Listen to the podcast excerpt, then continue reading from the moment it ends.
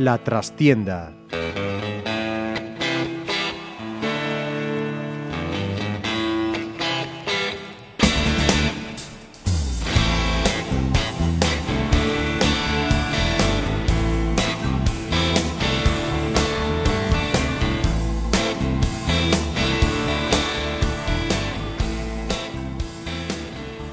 Saludos amigos, os habla Ramiro Espiño en nombre de todo el equipo. Comenzamos una nueva edición de La Trastienda en Pontevedra Viva Radio. Regresamos tras el parón festivo y lo hacemos para analizar el momento del Pontevedra, una vez disputado el derby con el Celta B que terminó con empate y una nueva jornada, ya van 10 sin vencer. Hubo novedades, bastantes en el once inicial, pero la principal novedad estaba en el banquillo granate, donde Luismi se estrenaba sustituyendo a Luisito. Luis Miguel Areda, Luismi, bienvenido a esta casa. Hola, ¿qué tal? Buenas. Bueno, sensaciones al verte por primera vez en un banquillo de Segunda B y además en Pasarón. Pues muy buenas, la verdad que muy buenas. Eh, bueno, el partido no era fácil y, y, bueno, pasé el primer partido de, bueno, de mi época como entrenador aquí, pues la verdad que muy contento. Eh, lo que sí está claro es que el partido en su primera parte dejó bastante que desear. No fue más bien malo, estuvisteis un poco a merced del Celta B pudo y tuvo ocasiones para, para hacer incluso más goles, aunque desde mi punto de vista pecó de conservadurismo y eso afortunadamente para el Pontevedra pues lo pagó luego caro, ¿no? Eso sí, en la segunda parte el equipo cambió totalmente. Sí, la primera parte la verdad que no fue buena, eh, fue lo que hablamos en el descanso, ¿no? Con los jugadores que bueno, teníamos que saber y leer el partido, veíamos que no éramos capaces de, de combinar, de de la salida de balón, de que tuviera fluidez y eso nos estaba costando muchas pérdidas en campo propio, que era lo que provocaba que al final el Celta nos, nos generara ocasiones de gol, ¿no? por errores más nuestros en esa presión avanzada de ellos y que nosotros intentábamos salir combinando y no éramos capaces. Y en la segunda parte lo hemos corregido en el descanso, pues eh, las cosas mejoraron. Ya sí que tuvimos más claridad a la hora de salir, con un juego un poquito más directo y a partir de la segunda jugada sí que elaborar y ahí sí que buscar el juego por fuera para, para generarles eh, problemas. Y bueno, eh, evidentemente no tuvo nada que ver la primera parte con la segunda, pero lo que le dije yo a los futbolistas en el descanso, tuvieron la opción de, de matar el partido, no lo hicieron y ahora va a ser nuestro momento y así fue. Eh, a mí me dio la sensación en la primera parte, eh, siempre cualquier sistema de cambio de sistema, digamos, o de, de forma de jugar, eh, conlleva sus riesgos, que, sobre todo cuando se hace a mitad de temporada, ¿no? Pero a mí me dio la sensación de que el equipo estaba excesivamente partido, ¿no? Que había, por ejemplo, pocas ayudas en las coberturas a los laterales, lo cual generaba superioridades en banda, donde sobre todo Drasic, pues eh, con la velocidad que tiene y la calidad enorme que tiene, pues nos hacía mucho daño. Sí, está claro que defensivamente tampoco estuvimos bien. Sobre todo, eso, eh, lo que comentas, que no podíamos dejarles correr, porque eran velocistas. O sea, son jugadores que tienen mucha velocidad, que tienen desborde y calidad para el uno para uno o incluso el dos para uno, porque no tenían problema en arrancar en situaciones donde nosotros éramos, estábamos en superioridad.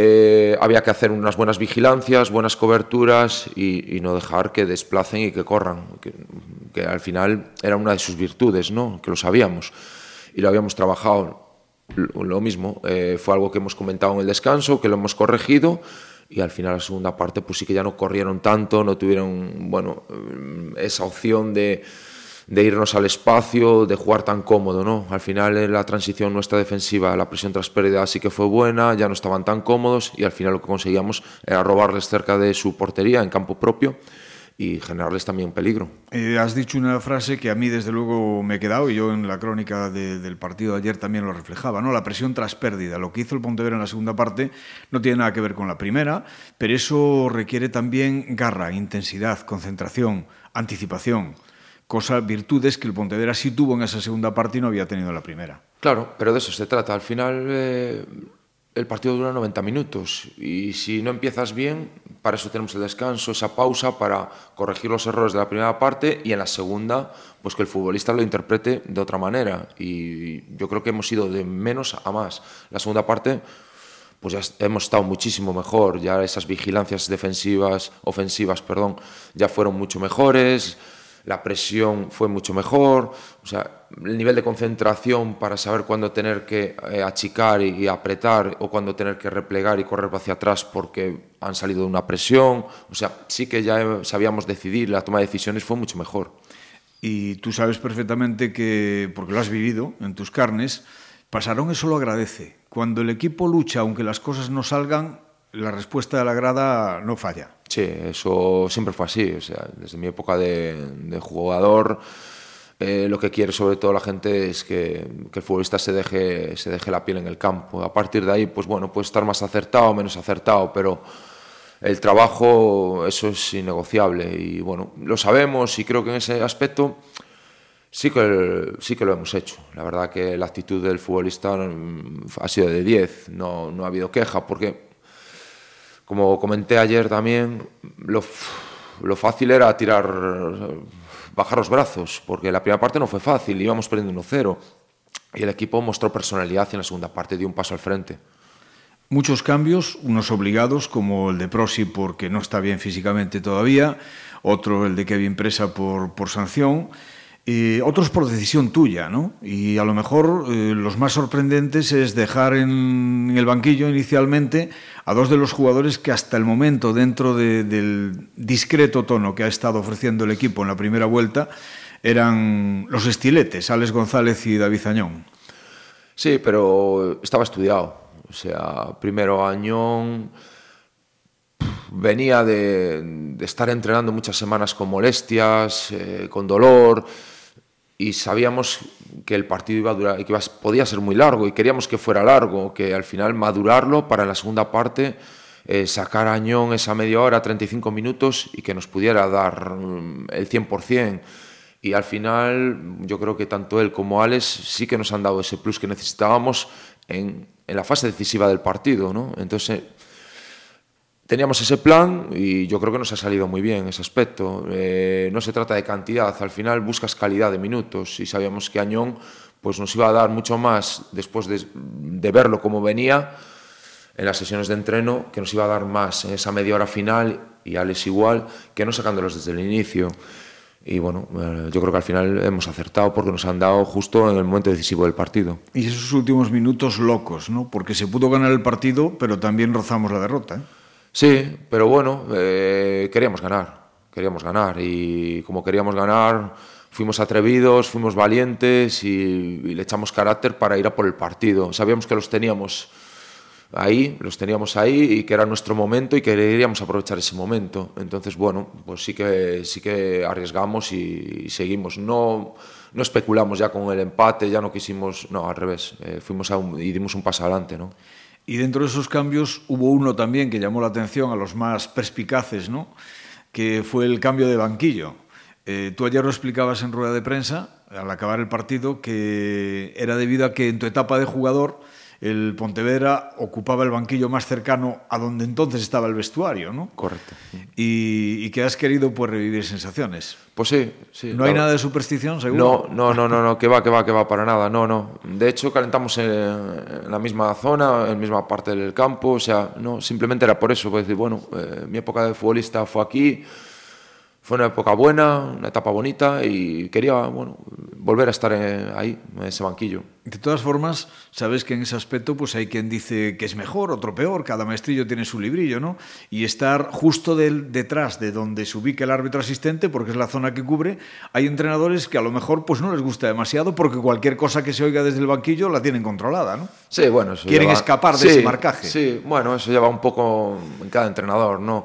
Ese aspecto no me preocupa. Eh, nos tenemos que centrar en el juego, en lo que está pasando en cada momento del partido y bueno, y nada más. Y aparte, bueno, por otro lado también tenemos a, a los compañeros, a los futbolistas que están calentando, los tenemos ahí al lado, siempre los tenemos de mano. Bueno, eh, ya, pero sobre todo es por el tema de, de mi época de jugador. Y cambios también en el método de trabajo, ya dejando un poquito al margen el, partido de ayer, ¿no? que está yo creo que bastante analizado y es de todos conocido. ¿no? Método de trabajo que pasa porque el Pontevedra vuelve a entrenar por las mañanas después de mucho tiempo que no lo hacía. Sí, sí, creo que nos beneficia, que va a ser algo bueno, que nos va a beneficiar, que nos va a venir bien. Y para seguir pues bueno un, un protocolo de día a día de, que lo lleven más ordenado el día a día del futbolista. Activar a los jugadores en su vida privada luego. Eh, claro, no, en general todo, o sea, te levantas a tu hora, desayunas a tu hora, vas a entrenar, tienes después eh, la comida, después tu descanso, tu siesta, tu tarde libre para, bueno, poder, el que quiera estudiar, estudiar, el que tenga familia con la familia, cenas a tu hora, te acuestas a tu hora, más que nada por mantener un orden, ¿no? Creo que lo profesionaliza mucho más eh, y la calidad del entreno por la mañana es mucho mayor. Y a ver, evidentemente, al que piense lo, lo, contrario, a lo mejor alguno dice, oye, es que entrenando por la tarde, pues hay algún jugador, en todos los grupos lo hay, que profesionalmente pues a lo mejor no hace siempre lo que tiene lo que tiene que hacer, ¿no? Tú eres de esos entrenadores como uno que tuve yo hace muchísimos años que decía que le quería ver los ojitos cuando llegaban a las 9 de la mañana y a ser posible olerle el aliento también. Bueno, yo creo que ya, a ver, eh, tenemos futbolistas que ya tienen una edad y que están aquí, saben lo que hay, a lo que vienen. Hay tiempo para todo. Yo creo que hay tiempo para dedicarle a tu profesión, que ahora mismo es el fútbol, y hay tiempo, pues evidentemente, son gente joven que tendrán su, bueno, sus momentos de poder salir y disfrutar con los amigos y con, con, la familia. O sea, yo creo que hay tiempo para todo, siempre y cuando sabiendo cuándo es el momento, el momento de, de hacer cada cosa, ¿no? O sea que, bueno, en ese aspecto yo confío mucho en mis futbolistas, sé que se cuidan, cuando tienen que salir pues se sale y cuando hay que estar concentrados y estar en casa descansando hay que estar y punto. Sí, pero es un poco lo que tú decías, ¿no? Da un poquito más de, de profesionalidad a lo que es el entorno de, de, un club, porque, bueno, pues eso motiva que, que, el, que el, jugador haga una, una vida más ordenada, Exacto. ya no porque salgan o dejen de salir, no. sino por el hecho de que a unos nos gusta más la cama que a otros. Y si puedes quedarte en cama a lo mejor hasta las 11 de la mañana porque no tienes nada que hacer, ya el cuerpo se activa de otra forma, ¿no? Sí, eso es lo que comentamos, es por llevar un orden. Entrenamientos de calidad. Sí, eh, al final por la mañana la calidad de entreno yo considero que es mucho mayor y, y sobre todo pues futbolistas que es, es, su profesión esta, se dedican exclusivamente al fútbol. Después tienes las tardes, pues puedes dedicarle a los estudios, puedes dedicarle a la familia pero sobre todo pensando en eso. En bueno, nos vemos en una semana complicada, ¿no? Eh, una semana en la que si no le gusta a los equipos grandes tener tres partidos en ocho días, me imagino que a los que no lo son, menos todavía, ¿no? Porque tampoco hay esa profundidad de plantilla. Y en este caso, bueno, pues eh, Copa Federación, ese invento que no sé a quién le gusta, pero desde luego a mí me horroriza, contra el Burgos. Y luego nos jugamos muchísimo en el Baltasar Pujales el fin de semana contra un sorprendente rápido de Bouzas. Pues sí, primero el partido del miércoles, eh, partido en Burgos, que bueno, eh, pues nos tiene que servir para ver cosas, para seguir eh, bueno, practicando todo lo que llevamos entrenado, pues bueno, eh, trabajarlo, seguir trabajándolo, seguir viéndolo en competición, que al final, pues evidentemente no es lo mismo que un entreno, ¿no? Y necesitas me, ver en me competición. imagino que te vas a guardar bazas, ¿no? Sí, habrá un poco de todo. Evidentemente, pues claro, nuestro objetivo es pensar en el domingo, evidentemente. Pero bueno, yo creo que... Es que tal, tal, como está la cosa no está como para pensar en Copa Federación. No, por eso, más que nada, pues es eso, un entreno de calidad donde al final nos tiene que valer pues para ver, seguir viendo a los futbolistas, seguir viendo cómo conceptan, cómo aceptan los, asimilan los conceptos. Por cierto, ¿vais a viajar en el día a Burgos? Sí, sí. Pues sí. con la que está cayendo... Sí, a ver, a ver qué pasa. Estamos un poco expectantes a ver con el tiempo, pero sí, en principio salimos el, el miércoles por la mañana jugamos, llegamos, jugamos y, y de vuelta para Pontevedra para uh -huh. aprovechar el jueves para empezar ya a preparar el partido del domingo. Porque luego viene eso, lo que decía Baltasar Pujales, el Bouzas está muy bien, muy por encima de lo que creo que ni ellos mismos pensaban, ¿no? Sí. Quinto lugar en la tabla, incluso si gana el partido que tiene pendientes bancaría al Certa B, y sobre todo con un campo que tú conoces bien que es eh, realmente es bueno para el Bouzas, que lo tiene trilladito pero a los demás se les atraganta casi siempre, ¿eh? es un campo complicado. Sí, sí, sí, efectivamente. Al final entrenan, compiten ahí todos los días y, y les bueno, mucho más conocido y por lo tanto saben perfectamente jugar en su campo y la base de su campo la aprovechan muy bien, porque al final sacan muy buenos resultados en casa.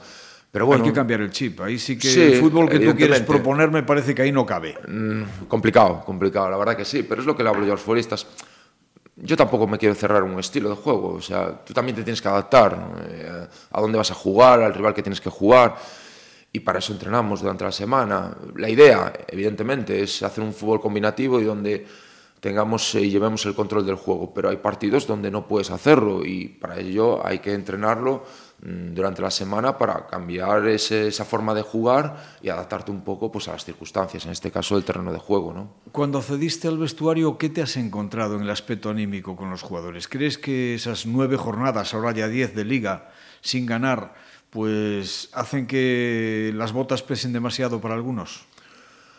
Yo intento que no, yo intento que no y yo creo que nos vino bien o vino bien al futbolista pues tener esa semana de vacaciones, el venir y encontrarse pues bueno, un entrenador nuevo y la idea que les dije desde el primer día es que se olvidaran de lo pasado, o sea, ya no podemos hacer nada, lo pasado pasado está, tenemos que partir de cero y pensar que empieza una liga nueva, porque realmente es así, o sea, nos quedan 19 jornadas por delante y había que pensar y hay que pensar en estas 19 jornadas. Si lo hacemos bien estas 19 jornadas, evidentemente vamos a salir de la situación en la que estamos ahora y vamos a estar mucho más tranquilos, pero olvidándoselo de atrás. ¿Y tú ves esta plantilla con posibilidades de, de arrancar, de salir de ahí? Porque en sí. principio se decía, es para estar arriba, o sea, para mejorar la clasificación de la temporada pasada y repito palabras textuales de, la presidenta en este caso, ¿no?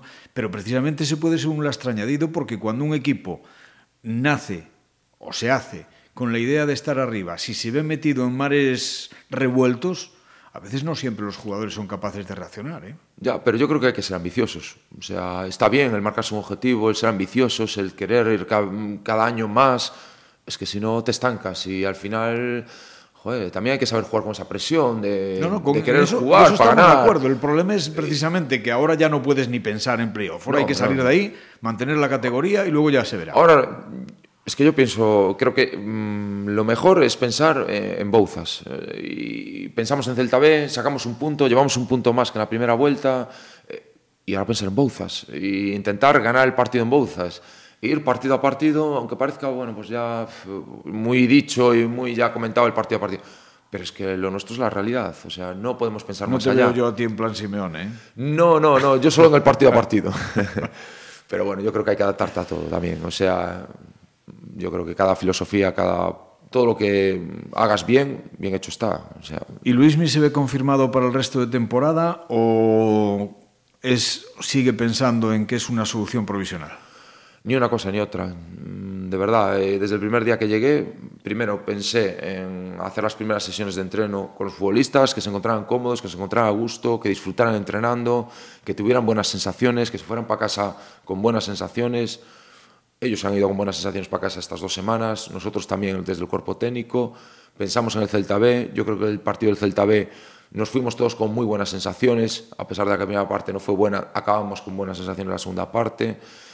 Y ahora lo mismo, eh, intentar esta semana eh, hacer buenos entrenos, vale, para irnos para casa contentos, sabiendo que hemos trabajado bien y que el partido del domingo contra el Bouzas está preparándose y seguro que, que va a salir bien. No, no ver más allá porque no sabemos lo que va a pasar. Entonces, tampoco ver en futuro no tiene sentido. Yo creo que hay que ver en el presente. Y el presente es Bouzas. Pero obviamente a ti no te asusta el reto. No, no, no, que va, que va. Para nada. Yo con mucha ilusión, con muchas ganas, veo una plantilla capacitada, comprometida, implicada, la predisposición de 10, la actitud de 10, y entonces eh, nosotros eh, estamos a muerte con ellos. ¿Y ellos en ti ven a un interino o ven a un entrenador que dicen, oye, este me va a dirigir ya hasta el final y tiene su autoridad y hay que hacer caso a, a lo que él diga? Yo creo que sí, yo creo que están con nosotros, la verdad, porque se ve en la actitud, en la predisposición del futbolista, cada vez que le hablas, cada vez que le das indicaciones, cada vez que le das información, se ve que son receptivos, que están pendientes de lo que les dice, que quieren mejorar, que quieren entenderte. Entonces mm, sí que se ve eh, que el futbolista pues, está implicadísimo y que está con nosotros. Eh, has llegado, se esperaban refuerzos y lo que, lo que se han producido han sido bajas. O sea, al margen del desaparecido Miguel Ángel, del que sigue siendo un misterio lo que pasa con él, baja de Monjil, ¿habrá más salidas? Pues sinceramente no lo, no lo valoro, no lo valoro. Yo lo que pienso ahora es que sí que es verdad que ha habido una baja, otra que bueno que ya no estaba, pero lo que importa es que la plantilla que tenemos es la que tenemos y es la que tenemos que sacar el mayor rendimiento para Burgos y para Bouzas. Pensar más allá, no lo sé, no lo sé qué va a pasar, si va a haber más bajas, si no, a día de hoy Yo con los futbolistas que tengo estoy muy contento, sinceramente estoy súper contento. Tanto yo como el cuerpo técnico estamos bien porque la predisposición, el trabajo es fenomenal, no tenemos ninguna queja y es con, con lo que vamos a tirar para adelante seguro. Hasta donde puedas decirnos, ¿la dirección deportiva te ha consultado sobre alguna posible alta, alguna posible incorporación? No, de lo único que hemos hablado es la posibilidad de un lateral derecho, evidentemente. Sabemos que ahí cojeamos porque solo tenemos a Juan y Juan es un chico que viene del juvenil. Tampoco vamos a cargar toda la responsabilidad solo en Juan. No podemos ni debemos. Entonces, sí que hemos hablado para bueno, poder incorporar un jugador que nos venga a banda derecha, pero nada más. ¿Y algún central con la baja de Monjil o no? No lo hemos, de verdad, no. De momento ese tema no se ha tocado, no. Lo digo porque, entre otras cosas, ayer hemos visto a Adrián León en su posición natural, que es el centro del campo. Estaba jugando como central, pero adaptado, evidentemente. Sí, pero no. De momento la única opción que bueno, hemos hablado y hemos valorado ha sido el lateral derecho. Adrián León, yo considero y creo que en un momento puntual sí que te puede hacer de central, pero donde más rendimiento lo podemos sacar es de medio centro. ¿Qué mensaje le puedes decir a la afición que evidentemente está desencantada y eso se nota también en un descenso importante ¿no? en la asistencia a Pasarón. Pues nada, que tengan fe en el equipo, que evidentemente pues eh, ahora mismo están desilusionados porque contaban con ver al equipo en otra posición y bueno, al final te desilusionas y bueno, te hace pues eso, que dejes de ir a Pasarón, ¿no? Pues pedir pues que tengan otra vez esa ilusión, que de verdad que los futbolistas están trabajando muy bien, que desde el cuerpo técnico pues estamos trabajando para intentar eh, poner al Pontevedra donde realmente se merece y que eh, nosotros somos los que tenemos que traerlos, evidentemente. Tú estabas en el Pontevedra cuando nos salvamos en la última jornada en Ourense, ¿no? Sí, sí, sí, sí, No nos haréis esperar otra vez hasta la última jornada. No, estoy convencido que no. Estoy convencido que no. Tan al límite. No, estoy convencido que no, de verdad. ¿eh? Yo creo que veo una plantilla muy comprometida, con mucha calidad y con mucha capacidad de, ganar partidos. Aunque fíjate lo que nació de aquella situación. ¿Recuerdas el número de autobuses que se fueron hasta Ourense para aquel último partido? Sí, sí, sí. Que parecía que jugábamos la final de la Champions. Sí, sí, sí, sí, Al final, pues el aficionado del Pontevedra siempre está ahí. Eh, para las buenas o para las malas siempre está ahí. Por eso te decía que pedirles simplemente que tengan ilusión y que tengan fe en que esta plantilla y este cuerpo técnico vamos a darlo todo por esta camiseta y por este escudo, que por nosotros, por trabajo, no va a ser y que esperamos que mm, cada partido que pase le demostremos que estamos capacitados para hacer un buen juego, para ganar partidos y para recuperar esa ilusión y, y, esa si. Luismi llega a alguien que le ponen en su sitio y tiene que volver al juvenil, ¿sería un trauma o no? No, para nada, que va, que va, no. Yo estoy a disposición del club para lo que necesite, yo soy un empleado del club. Mm, yo cuando vine, vine para el Juvenil División de Honor. Se ha surgido esta oportunidad de coger al equipo mayor y estar con la primera plantilla y a trabajar igual que trabajo con el juvenil, con la misma ilusión y las mismas ganas.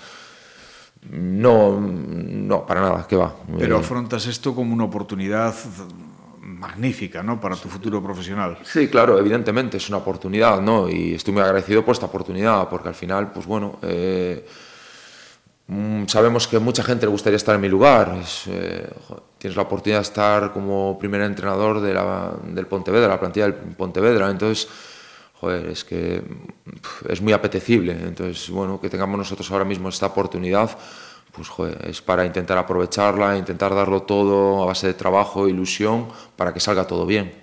Pues de verdad que aparte de por buen tío, siempre me has parecido ya cuando eras jugador y no es por regalarte los oídos, eh, me encantaría que, que continuaras a final de temporada y que renovaras para la temporada que viene, entre otras cosas porque eso sería sinónimo de que los resultados irían acompañando al equipo y es lo que creo que todos queremos. ¿no? Exacto. Muchas gracias, Luis. Gracias. Muchísima suerte. Gracias a vosotros. y Muchas a gracias. todos vosotros que nos escucháis, pues os dejamos con nuestra habitual despedida musical. Y como queremos empezar el año con energía, qué mejor que hacerlo con Deep Purple, mítica banda británica de rock formada en Hertford, en el Reino Unido, en 1968, ya llovió, y considerada una de las pioneras del hard rock, así como la principal influencia para el heavy metal. ¿Quién no conoce su humo en el agua? Smoke on the Water en este caso interpretado con la extraordinaria aportación casi nada de la Orquesta Sinfónica de Londres. Como siempre, que lo disfrutéis. Hasta la próxima semana. Muchas gracias por escucharnos y estar ahí.